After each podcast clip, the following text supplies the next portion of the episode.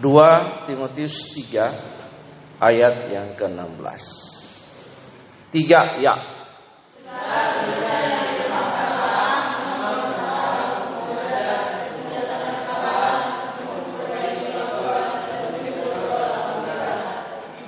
Ya, Bapak Ibu yang dikasihi anak-anak semua yang dikasihi oleh Tuhan.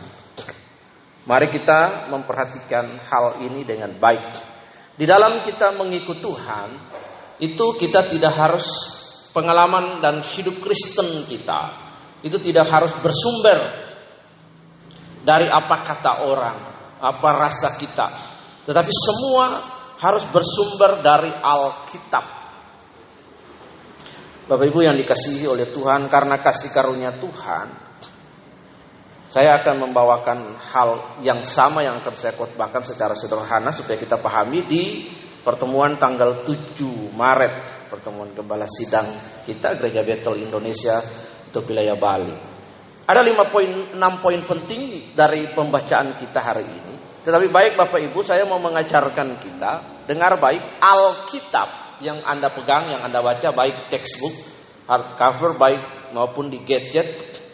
Dengar baik bahwa setiap firman yang di setiap tulisan yang dihilangkan Allah memang berempat untuk mengajar, menyatakan kesalahan, untuk memperbaiki kelakuan dan untuk mendidik orang dalam dalam kebenaran.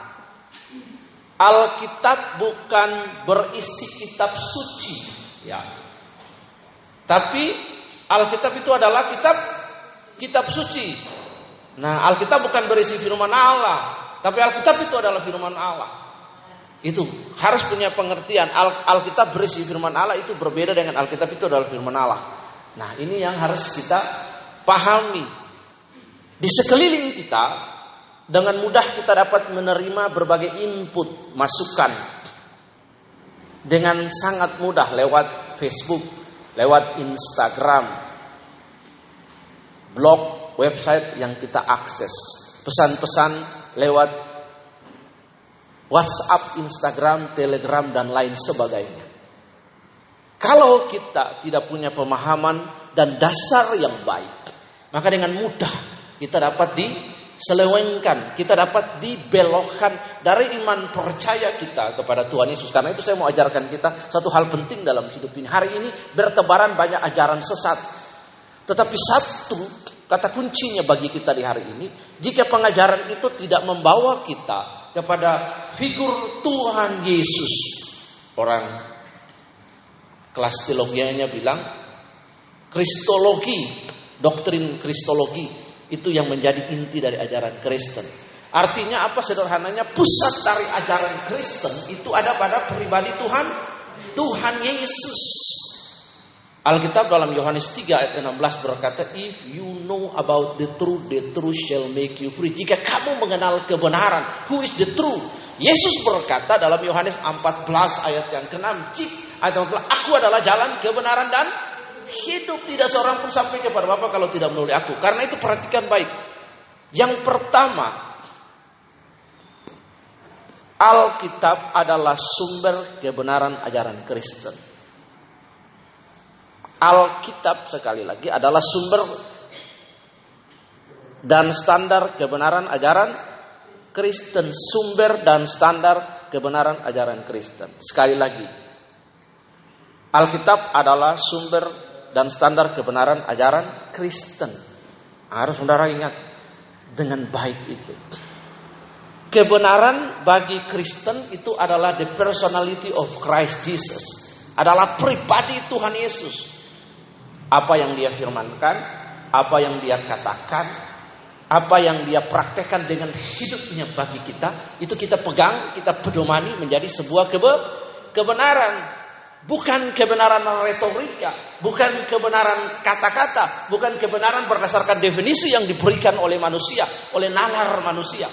Definisi hari ini yang kita dapat, Anda bisa buka di Kamus Besar Bahasa Indonesia apa itu kebenaran dan di, di belakang kata itu ada orang memberikan definisi what is the truth. Orang memberikan definisi ini satu kata lalu di belakang kalimat itu kebenaran. Kebenaran itu apa?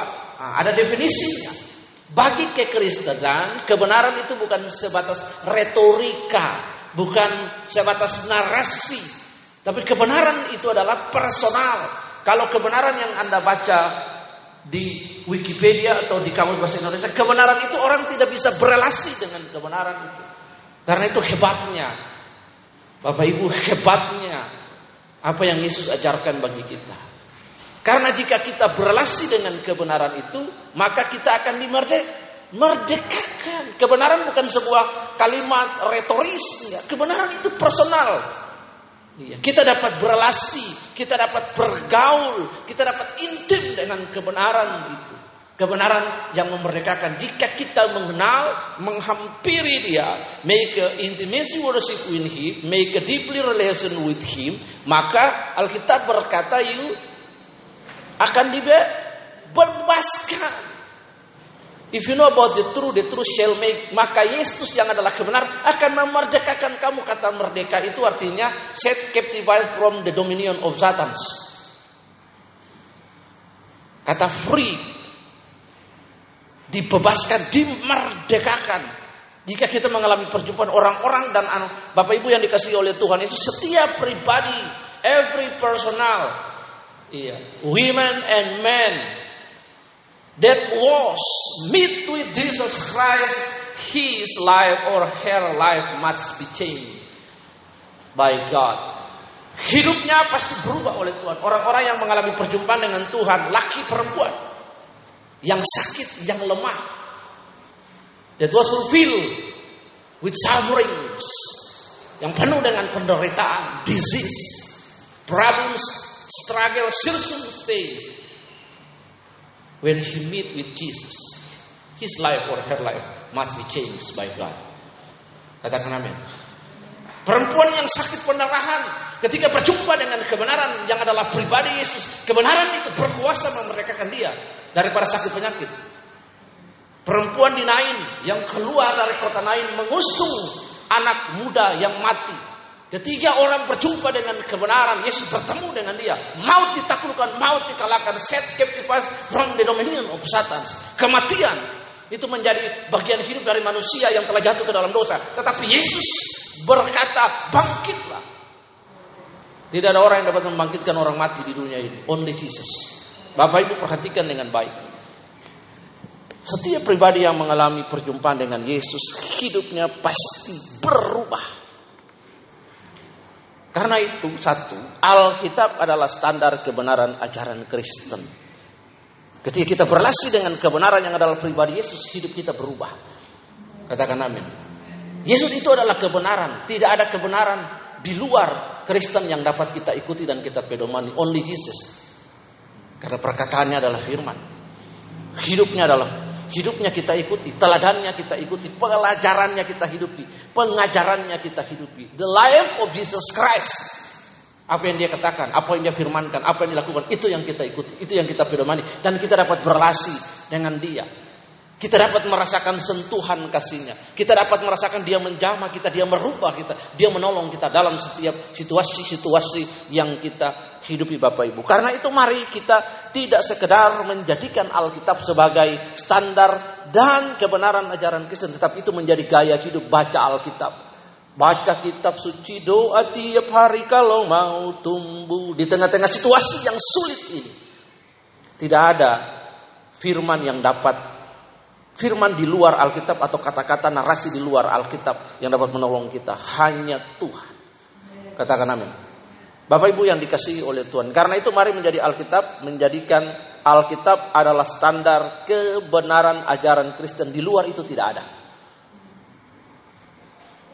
Sumber ajaran Kristen adalah pribadi Yesus, the source of the Christian teachings, of the Christian doctrine is the personal of Jesus Christ. Bapak Ibu yang dikasihi oleh Tuhan Yesus, Alkitab adalah sumber kebenaran ajaran Kristen. Karena itu, ketika Anda menemukan sebuah ajaran yang tidak meninggikan nama Yesus, yang tidak merujuk kepada pribadi Yesus, yang tidak menjadikan Yesus sebagai Tuhan dan Raja, maka Bapak Ibu itu bukan kebenaran. Sekalipun dia mengajarkan ajaran Kristen. Kesannya Kristen, tapi tidak merujuk kepada Yesus. Mungkin dia bisa haleluya, haleluya, ya, hosana, iya. Tetapi ketika dia tidak membawa setiap kita kepada pribadi Yesus, maka itu bukan ajaran Kristen. Karena itu Bapak Ibu, yang penting bagi kita harus yang pertama menjadikan Alkitab sebagai standar kebenaran ajaran Kristen. Yang kedua, semua ajaran yang diajarkan sebagai ajaran Kristen namun bertentangan dengan ajaran Alkitab namanya ajaran sesat. Ini sampai di dua poin ini dulu. Semua ajaran yang diajarkan sebagai ajaran Kristen namun bertentangan dengan ajaran Alkitab namanya ajaran se sesat. Hati-hati di Facebook itu ada gereja yang suka mengajak orang sebenarnya mereka bukan gereja tapi sekelompok kelompok komunitas sosial tapi mereka menggunakan nama Yesus ajaran Kristen untuk mengajak orang masuk dalam kelompok mereka setelah orang masuk dalam kelompok mereka kemudian mereka dicuci otaknya dengan ajaran-ajaran ateis, agnostik dan lain sebagainya. Namanya gereja Tuhan yang Maha Kuasa. Dia punya logo ada seperti mobil Subaru lalu ada salib dan bintang kecil. Nanti besok kita belajar hal ini. Perhatikan dengan baik. Mereka mengajak orang dan Yesus versi mereka itu perempuan di Cina. Nah, kata Yesus datang pada kali yang kedua dalam rupa perempuan kilat di timur di Cina. Yesus cuma satu Yesus yang kita belajar di Alkitab. Kalau ada Yesus perempuan itu bukan Yesus. Amin. Nah itu kita perhatikan dengan baik. Jadi kenapa kita harus baca Alkitab supaya iman timbul oleh pendengaran dan pendengaran akan firman Tuhan. Bahwa semua ajaran yang diajarkan sebagai ajaran Kristen namun bertentangan dengan Alkitab itu bukan ajaran Kristen, itu namanya ajaran sesat. Karena itu Bapak Ibu perhatikan dasar Anda dan saya bernalar secara kekristenan itu adalah dasarnya firman firman Tuhan. Yesus itu waktu datang kemudian pencobaan di padang gurun dia tidak pakai acara tengkang-tengking. Aku usir setan enggak. Ketika dia berdialog melawan setan itu, dia berkata ada ter ada tertulis that was written. Dia tidak mungkin melawan firman yang dari nabi-nabi, Mazmur dan lain yang sudah diinspirasikan, diwahyukan oleh Allah Bapa, Bapaknya kepada manusia. Tidak mungkin bertentangan. Tidak mungkin Yesus punya firman sendiri, Allah punya firman sendiri. Amin. Yohanes 1 ayat 1 bilang pada mulanya firman itu bersama-sama dengan Allah dan firman itu adalah Allah. Firman itu adalah the personality of Jesus Christ yang telah datang di dalam dunia. Karena itu perhatikan Bapak Ibu dengan baik. Segala tulisan yang diilhamkan Allah yang Allah wahyukan itu adalah firman Tuhan. Firman Tuhan yang mana? Yang tercatat di dalam Alkitab. Fungsinya cuma empat. Lihat di sisi bermanfaat untuk mengajar, karena itu Yesus juga mengajar murid-murid dan mengajar Anda dan saya. Katakan amin. Firman itu mengajar. Kata mengajar itu Anda duduk diam yang sederhana, Anda duduk diam, seseorang mengajar, memberikan pelajaran bagi Anda, Anda simak, Anda dengar, Anda aplikasikan dalam hidup. Itulah hari ini proses yang sangat sederhana dan kemudian sampai zaman modern ini Anda duduk di kelas-kelas, kemudian guru yang sudah bersertifikasi, guru yang sudah punya pengalaman pada bidangnya mengajar Anda di depan kelas You follow him, you watch him. Sit on your chairs. Lihat, listen, dengar, amati. Apa yang guru terangkan Anda terima, Anda lakukan, Anda aplikasikan. Zaman dulu, ketiga murid-murid mengikuti Yesus, kata dari kata didace atau didako. Hari ini muncullah kata disciple atau murid. Itu adalah seseorang belajar mengikuti orang lain. Someone learn from another people. Follow other people, live with him, stay together with him. Tinggal dengan orang itu. Kemudian belajar, learn from him. Belajar dari dia. Itu proses belajar zaman kedokteran itu zaman dulu begitu. Zaman dulu disebut tabib atau dokter. Karena itu penulis Injil yang sangat uh, kronik atau kronis yang sangat kronik maksudnya sangat teliti detail itu Lukas Injil Lukas dia dokter dan orang mau mengikuti dokter zaman dulu, dia tinggal dengan dokter itu. Ke mana pun dokter itu pergi, cara dia lihat cara mengoperasinya, kemudian dia belajar di situ. Nah hari ini proses itu berjalan sampai hari ini pendidikan modern. ada dosen. Anda harus menempuh pendidikan strata satu bahkan sampai profesor, ahli pada bidangnya kemudian Anda mengajar orang lain. Mahasiswa datang duduk diam, boleh mengajukan argumentasi. Nah, perhatikan dengan baik. Karena itu Anda perlu membaca Alkitab. Karena dengan sangat mudah kita tertipu. Anda pikir itu Anda sudah dapat pesan WA lalu itu sudah ada nama Yesus, ada Kristen, ada haleluya, Anda pikir itu firman Tuhan.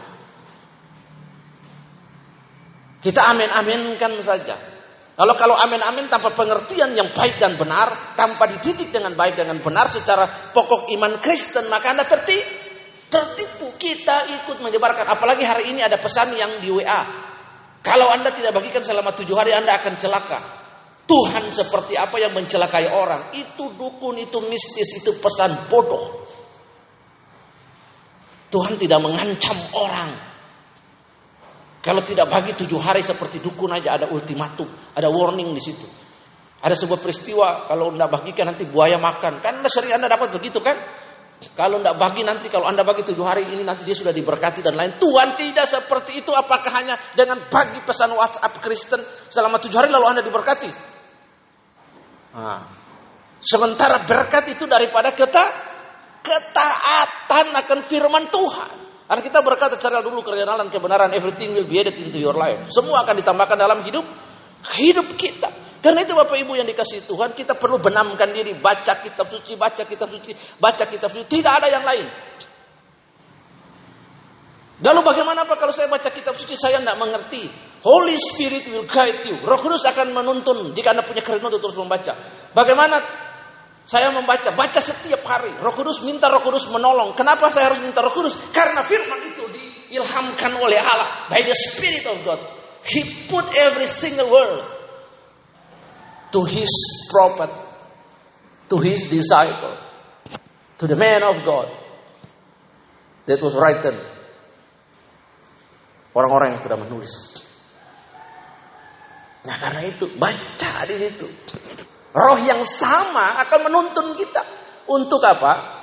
Memahami apa yang telah ditulis oleh Allah. Karena roh yang sama telah mengilhamkan kitab suci perkataan-perkataan Allah itu kepada nabi-nabi. Roh yang sama akan menuntun kita untuk memahami apa yang ditulis.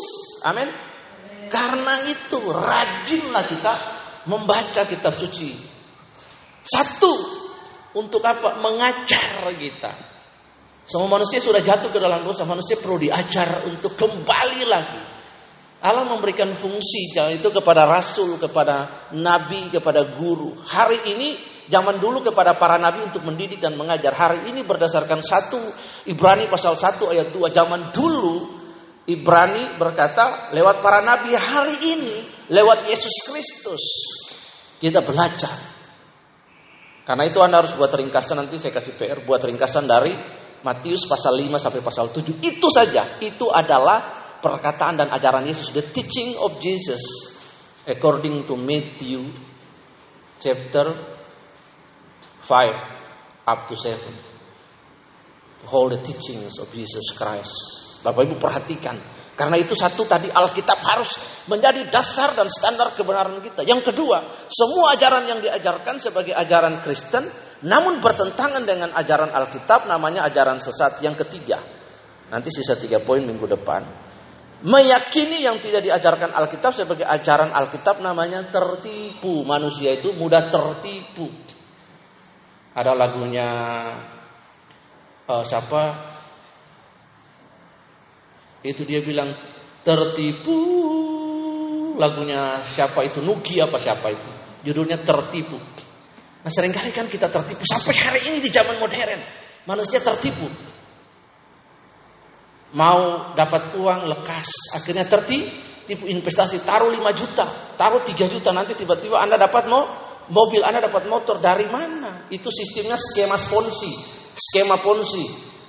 Taruh 5 juta, lalu kemudian nanti Anda dapat motor yang baru. Lalu sisanya dari mana? Siapa yang kan kita harus tanya, kok bisa saya taruh 5 juta lalu saya dapat motor, sisanya dari mana?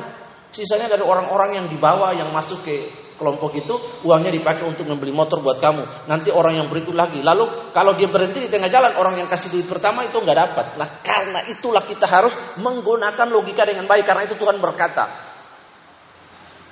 Kasihilah Tuhan dengan segenap akal budi. Akal budi itu apa? Intelektual. Otak kita lagi logika kita. Sementara orang berkata ikut Tuhan pakai otak. Binatang. Tuhan ciptakan manusia dengan segala potensinya. Kejadian 1 ayat 26. Baiklah kita menjadikan manusia serupa segambar dengan kita. Rupa dan gambar, demut dan selem. Alkitab berkata bahwa Elohim asa amar selem bahasa Ibrani dalam kejadian 1 ayat yang ke-26.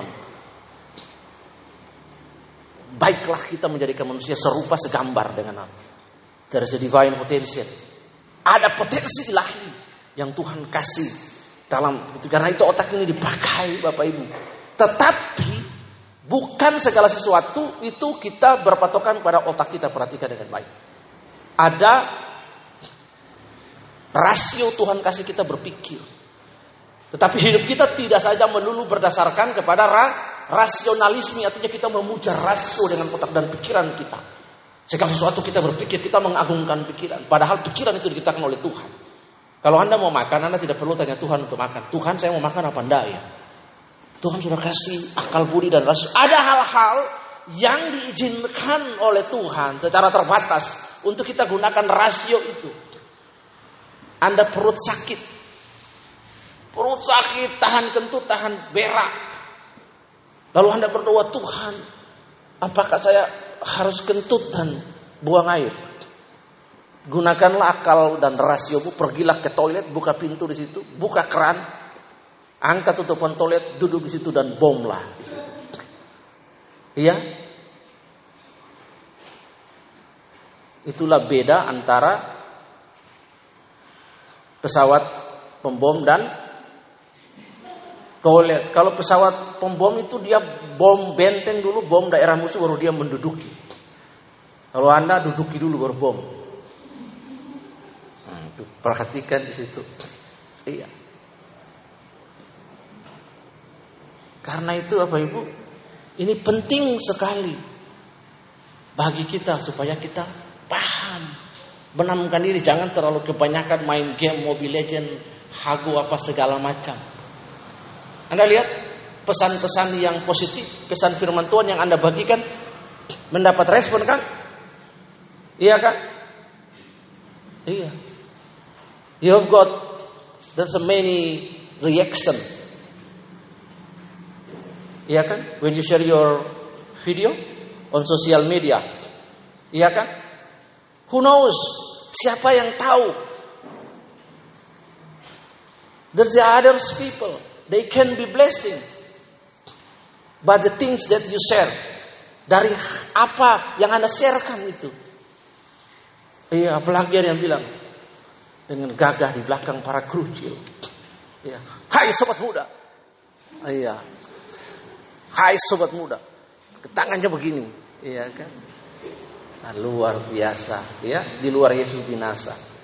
Haleluya. Hai sobat muda. Yang kerucil satu baru apa kelas 5 SD belum tahu narkoba itu juga apa tapi sudah bilang hai jangan pakai narkoba. Nasi rabon kok bakso. Nah, ya, ada yang share bacaan Yeremia salibnya ditonjolkan. Iya luar biasa kan? Salib kalau salib ditonjolkan belajar juga untuk pikul salib. Salibmu salibmu teramat mulia. Ya kan ada yang share apa dengan lagu lagi. Ya. Kelompok woman. Ya. Kemudian ada yang membagikan bagaimana cara membuat es kelapa muda yang enak. Wow. Dan banyak mendapat reaksi. Iya kan? The simple video.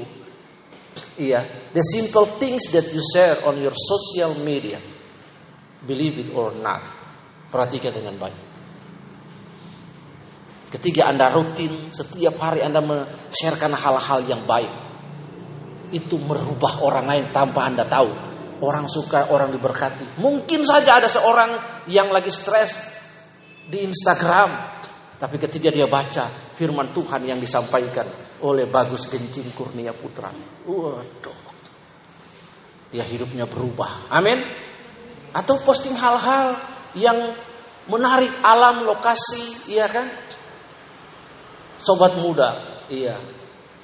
Bagi Anda yang dalam perjalanan dari Jawa ke Bali, jangan lupa mampir di tempat kakak saya, warung Sari Asi. Anda akan menemukan menu berbagai ayam, ayam kampung, ya, ayam Melaya, ayam dari mana lagi kan? Ya, tempe tahu Anda taruh di situ. Ketemu kakak saya di situ, makan sepuasnya, pulang bayar sendiri.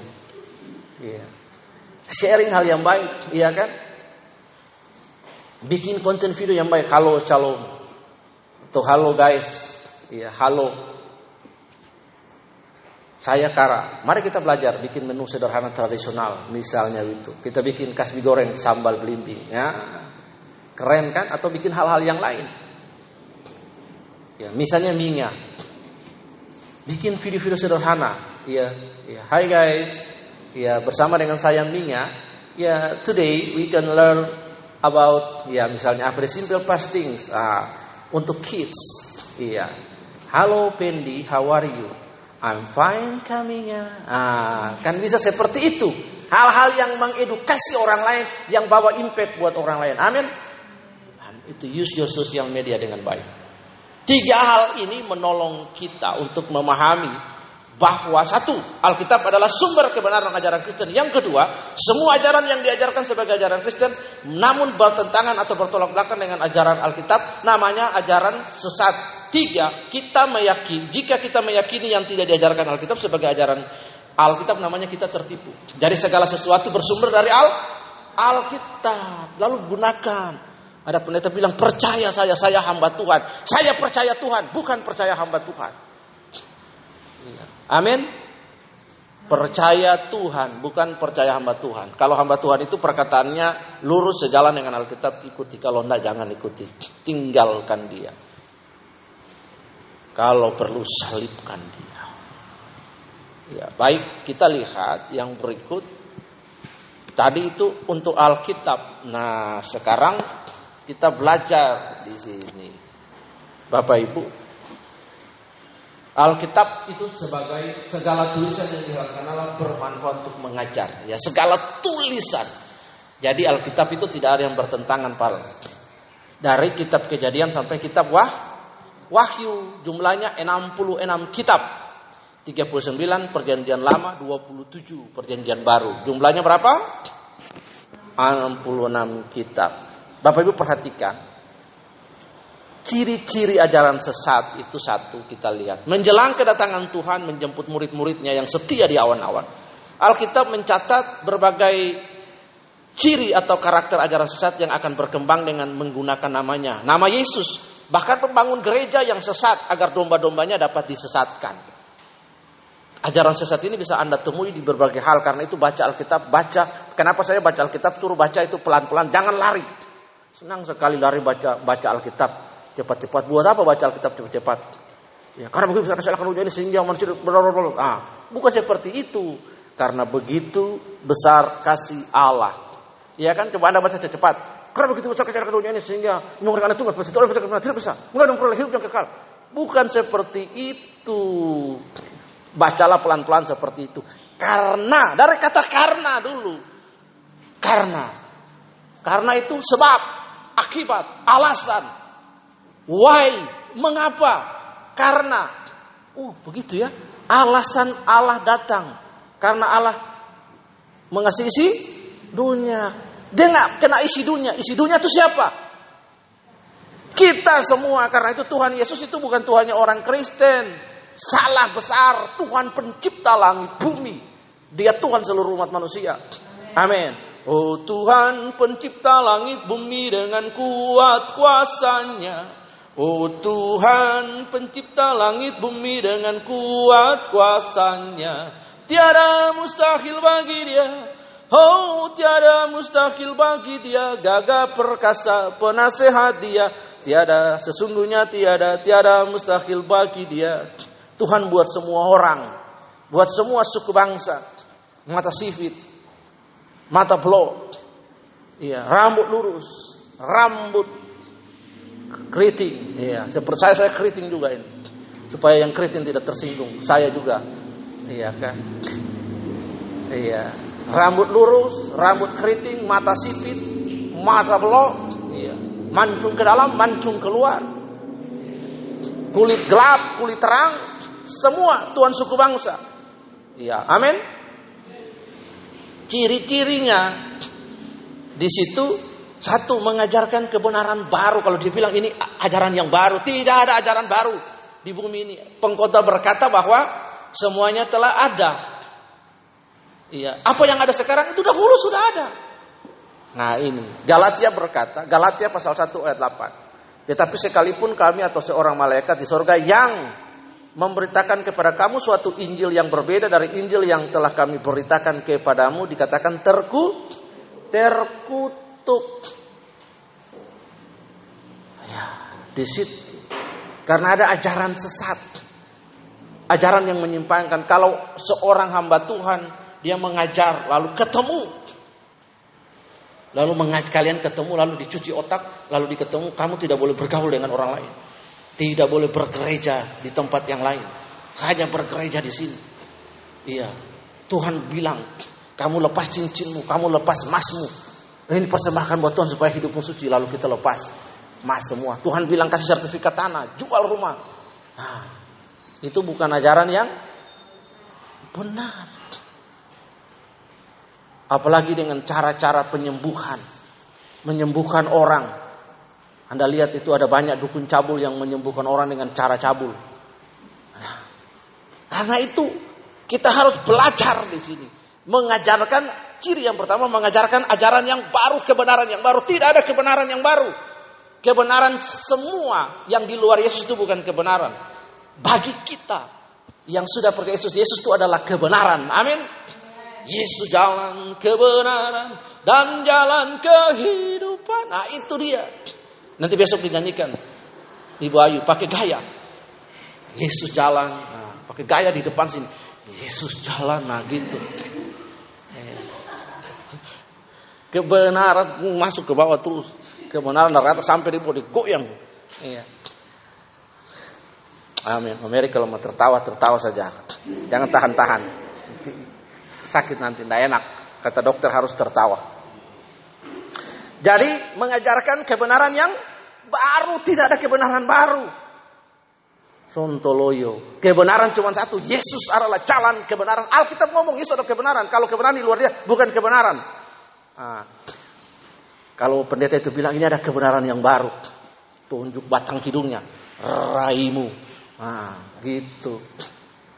Tidak ada kebenaran yang lain. Selain Ye, Yesus. Oh, tidak ada kebenaran baru. Katakan hanya Yesus. Iya kebenaran kita satu-satunya yang tunggal gitu. Yang kedua, ya. Yang kedua Alkitab ngomong A, dia tafsirnya B. Karena itu setiap kata Alkitab itu harus ada konteksnya ini ngomong apa. Jangan kita menciplak ambil saja lalu tempatkan. Nah, salah. Atau interpretasi Alkitab ngomong A dia ngomong B supaya gampang kita mengerti. Contoh, saudara Alkitab ngomong ini ya. Kasih Contoh bagi kita bahwa banyak orang salah menginterpretasikan Alkitab. Saudara-saudara, keinginan hatiku dan doaku kepada Tuhan ialah supaya mereka diselamatkan. Jadi diselamatkan karena ada banyak orang yang ikut Allah tanpa pengertian yang benar. Kita ikut Tuhan itu dengan pengertian yang benar. Anda ikut Tuhan hanya kalau dengan hati saja Anda banyak banyak tertipu. Tapi dengan pikiran, dengan logika, ada aliran ajaran setan ada ajaran yang sudah ada di Jakarta, ada di beberapa kota metropolitan namanya Mormon. Ajaran Mormon itu adalah ajaran yang keliru. Bahkan ajaran New Age, zaman baru. Ya, mereka ibadah, mereka menyembah Lucifer, setan. Kemudian yang datang laki dengan perempuan mereka mengadakan pesta seks di situ. Tapi mereka pakai salib, pakai altar perjamuan. Karena itu kita harus apa? Membaca Alkitab sekali lagi dengan baik, lalu penelaran. Lalu kita bertanya, apakah ini benar? Mengapa begitu? Mengapa begini? Harus. Makanya saya bilang baca Alkitab itu pelan-pelan, tertata, rapi. Karena begitu besar kasih Allah akan dunia ini. Lalu kita tanya, karena itu artinya mengapa? Mengapa ya Allah mau mengasihi isi dunia? Iya, kasih Allah seperti apa kasihnya? Besar, kecil, iya, kan harus begitu. Ada seorang pendeta, saking semangat dia lupa. Karena dia ngajar membandingkan Tuhan dan bukan Tuhan. Setan. Akhirnya dia salah. Dan harusnya Yesus itu besar. Setan itu kecil. Dia salah. Yesus setan. Harusnya Tuhan itu be besar. Segala sesuatu ada dalam dia dan dari dia. Dialah permulaan dari segala sesuatu. Karena itu kita harus ingat dengan baik. Nah, yang berikut sumber otoritas yang tidak alkitabiah. Nah, jika seorang menambahkan sesuatu kepada perkataan ini, Wahyu 22 ayat 18 19, maka Allah akan menambahkan kepadanya malapetaka yang tertulis dalam kitab ini. Lihat di situ. Ikuti firman apa adanya. Jangan suka menambahi dan mengurangi firman. Amin. Alkitab juga berkata tidak boleh sumpah. Eh saya bersumpah demi demi apa enggak? Kalau ya katakan ya, tidak katakan tidak. Amin. Kalau orang suka uh, ngeles bohong, itu nanti bulutnya banyak bohong. Terus terus semua dia ngeles dia ngebohong. Kamu sudah makan? Sudah. Belum makan? Belum. Siapa yang pecahin bola ini? Uh, tadi eh, bukan siapa yang pecahin bola, saya pak. Bagus. Lain kali besok jangan begitu lagi. Nah, saya senang Rivaldo itu. Habis bikin barang rusak, Pak, izin. Kenapa izin? Saya bikin barang pecah, bagus. Besok jangan lagi. Itu jujur, jangan ditanya, eh tadi saya di sini, aduh terlalu muter-muter bulet, langsung aja saya bikin barang itu gentle laki-laki. Amin. Nah itu langsung pengakuan baru keren. Iya, eh, tadi saya taruh di sini lalu saya gini, ah, anda usah bulet muter-muter. Saya yang buat pak, itu yang itu artinya bertanggung jawab, jujur mengaku, itu baru laki. Nah, yang berikut, ini tiga, tiga saja sumber otoritas yang tidak alkitab. Jadi kalau seseorang khotbah di depan, dia mengajar tanpa pengajarannya bersumber dari Alkitab, maka itu ciri dari ajaran se sesat. Hamba Tuhan dia memulai berkhotbah seharusnya dan memang harus yang pertama itu dia berkata mari kita membuka firman Tuhan. Ini sudah sampai di depan, WL sudah selesai sampai depan ambil mic lalu bikin lucu stand up comedy. Gereja jemaat tidak butuh stand up comedy. Tidak butuh pendeta melawak dan lucu. Jemaat butuh firman Tuhan. Amin. Ah. Firmanmu berkata kau besertaku maka kuat roh dan jiwaku makan firman. Oleh firmanlah jemaat diajar. Supaya jadi smart, jadi pintar, jadi baik. Nuraninya baik, moralnya baik, sikap kelakuannya baik. Maka hidupnya akan pasti baik. Amin. Kalau hidupnya benar, baik karakternya, habitnya. Makanya nanti cari buku, saya download buat kalian, saya bagi. Baca buku namanya Seven Habits. Tujuh kebiasaan baik. Iya, ketiga Anda membacanya, when you read this book, this book can bring, membawa, broke you. Kita punya karakter jadi jauh lebih baik. Alkitab yang unggul yang utama, tapi buku ini menolong kita step by step, langkah-langkah. Ya. Seven habits orang-orang yang baik punya kebiasaan yang baik. Katakan amin. Karena itu Alkitab berkata kebiasaan yang buruk merusak kelakuan yang buruk, pergaulan yang buruk merusak kebiasaan yang baik. Ya. Karena itu bergaul sama mulut yang suka maki, ikut-ikutan maki juga. Kalau setiap hari suka bilang cai, cai, cai, cai, cai, yang lama-lama suka begitu juga. Ya, anda perhatikan, memang sih lucu, guyonnya bagus, tapi lama-lama saya rasa risih juga. Karena di Jembrana tidak pernah orang pakai cai, cai, sana, utara sana. Nah, perhatikan.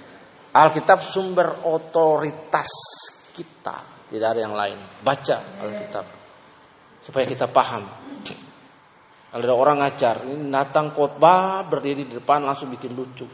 Tapi harus berkata dimulai dengan firman Tuhan. Karena jemaat datang untuk mendengarkan firman Tuhan. Amin. Iya, firman yang memerdekakan mereka, yang menyentuh mereka, yang mengubah mereka, yang mendorong mereka untuk lebih dekat kepada Allah. Ya, itu bukan bikin lucu. Nanti dia pulang ada sebuah ilustrasi lucu. Ada seorang yang baru bertobat. Baru bertobat dia pergi ke gereja. Pendetanya khotbah pakai bahasa yang keren-keren. Tuhan itu trikotomi. Tuhan itu dikotomi. Tuhan itu monotomi. Dia pendetanya dengan bersemangat jemaatnya. Wah luar biasa ya. Nah, terus dia pulang ke rumah ditanya. Apa kamu dapat di gereja? Khotbahnya pendeta bagus. Waduh, bagus. Apa khotbahnya? Pokoknya Tuhan tuh Tommy deh gitu katanya. nah, jadi harus ada firman yang dijelaskan dengan baik. Jadi hari ini tiga hal penting tadi mengapa kita perlu membaca Alkitab. Lalu ciri pengajaran sesat. Karena dengan mudah, perhatikan jemaat itu rentan mudah ditipu. Karena itu domba. Bapak Ibu, domba itu binatang yang paling taat. Anda cari di YouTube kan punya gadget, cari di YouTube di situ cara orang manggil domba. Saya pernah lihat di YouTube itu ada satu lingkaran besi itu besar begini. Itu ada masing-masing apa? Fluid, fluid, nah, fluidnya itu fluid, fluidnya itu. Dia panggil gini, eh, tiba-tiba satu kelompok yang di sini yang itu datang ke sini. Nanti dia pakai apa fluid yang kedua yang sebelah situ.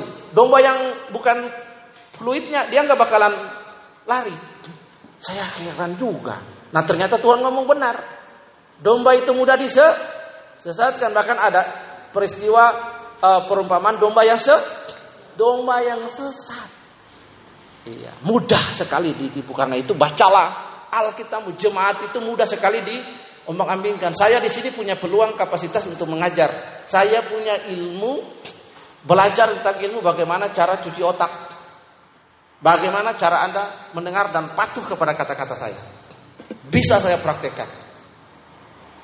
Ada banyak pendeta yang juga belajar bagaimana cara menghipnotis dengan kata-kata. Namanya speech mountain. Lalu akhirnya tertipu dengan kata-kata, terkesima dengan kata-kata. Nah, itu dibangun sebuah kondisi tren selalu kata-kata tagline itu dimasukkan. Anda bisa ikuti. Lalu tiba-tiba saya ngomong begini Anda ikuti. Mempengaruhi cuci otak.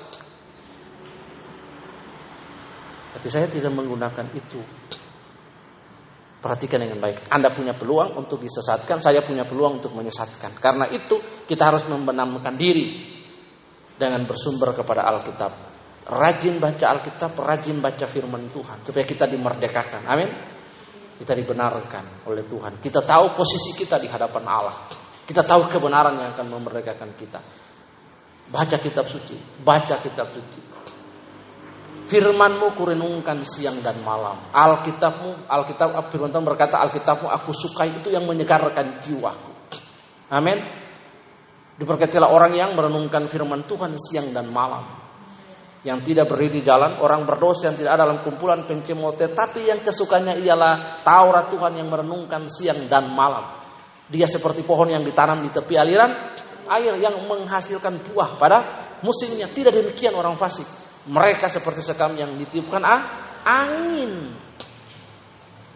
Karena itu orang berdosa tidak tahan dalam kumpulan orang benar. Nah itu perhatikan dengan baik. Firman Tuhan menyejukkan hati. Tidak ada hal yang sehebat perkataan-perkataan Allah. Nah, mari kita belajar di tengah-tengah dunia yang dapat membuat kita berbelok kapan saja. Cuci otak kita kapan saja. Amin. Bacalah Alkitabmu, renungkanlah Alkitabmu, giatkanlah Al baca. Tiap hari tulis satu ayat firman Tuhan. Ayat ini ambil gambar lalu tulis ayat itu taruh di bikin pakai CapCut itu lalu tulis ayat di situ. Taruh gambar madu di situ, ada lebahnya tulis di situ. Ya firmanmu seperti madu yang mur, madu murni menyegarkan jiwaku. Waduh orang baca, waduh disegarkan. Amin. Iya. Mari tunduk kepala, kita berdoa. Tuhan Yesus, hari ini kami belajar ada banyak situasi-situasi hidup di depan kami dan dengan mudah karena kami juga punya gadget, dengan mudah kami dapat menerima pesan dari keluarga, orang, teman, siapa pun Tuhan yang terkoneksi dengan medsos kami, dengan WhatsApp kami. Ada pesan ketika kami tidak punya pengertian yang baik dan benar, kami dapat dengan mudah disesatkan kami membagi pesan yang sama, kami pun ikut menyesatkan orang lain jika tidak punya pengertian yang baik. Karena itu Roh Kudus tolong kami, ajar kami untuk cinta kepada Tauratmu, firmanmu, cinta akan kitab suci ini Tuhan. Membacanya menjadi hal yang berharga dalam hidup. Terima kasih banyak untuk hari ini. Karena jemaat membaca kitab suci maka mereka akan dimerdekakan oleh perkataan-perkataan Allah yang memberi hidup. Di dalam nama Yesus Tuhan. Engkau yang lemah sudah menjadi kuat. Engkau yang sakit sudah disembuhkan oleh Tuhan. Percaya. Engkau yang berkurangan, yakinlah pemeliharaan Tuhan atasmu melimpah atasmu. Jangan khawatir akan hari depan. Ketika engkau khawatir membagi pikiran menjadi dua, mengurangi sukacita. Hari ini harusnya kita bersuka cita kalau kita berkata hati yang gembira adalah obat semangat yang patah keringkan tulang. Lalu mengambil hari besok. Kita tidak sampai kepada hari besok. Hari besok punya kesusahannya sendiri. Hari besok ada mujizat yang baru yang Tuhan sediakan bagi kita. Terima kasih untuk hari ini. Dalam persekutuan ini Tuhan kami dikuatkan, kami dibangun, kami diajar, kami dididik untuk terus mencintai firman Tuhan. Membagikan firman Tuhan lewat hidup kami, lewat media sosial kami, lewat gadget kami kepada siapa pun. Terima kasih. Kami menyenangkan Tuhan bukan saja dengan hidup kami, menyenangkan Tuhan lewat media sosial kami, lewat membagikan hal-hal yang baik. Di dalam nama Yesus kami berdoa dan kami mengucap syukur. Haleluya. Sama-sama kita berkata, Amin. Tuhan Yesus memberkati. Mika maju ke depan untuk memimpin kita dalam doa syafaat.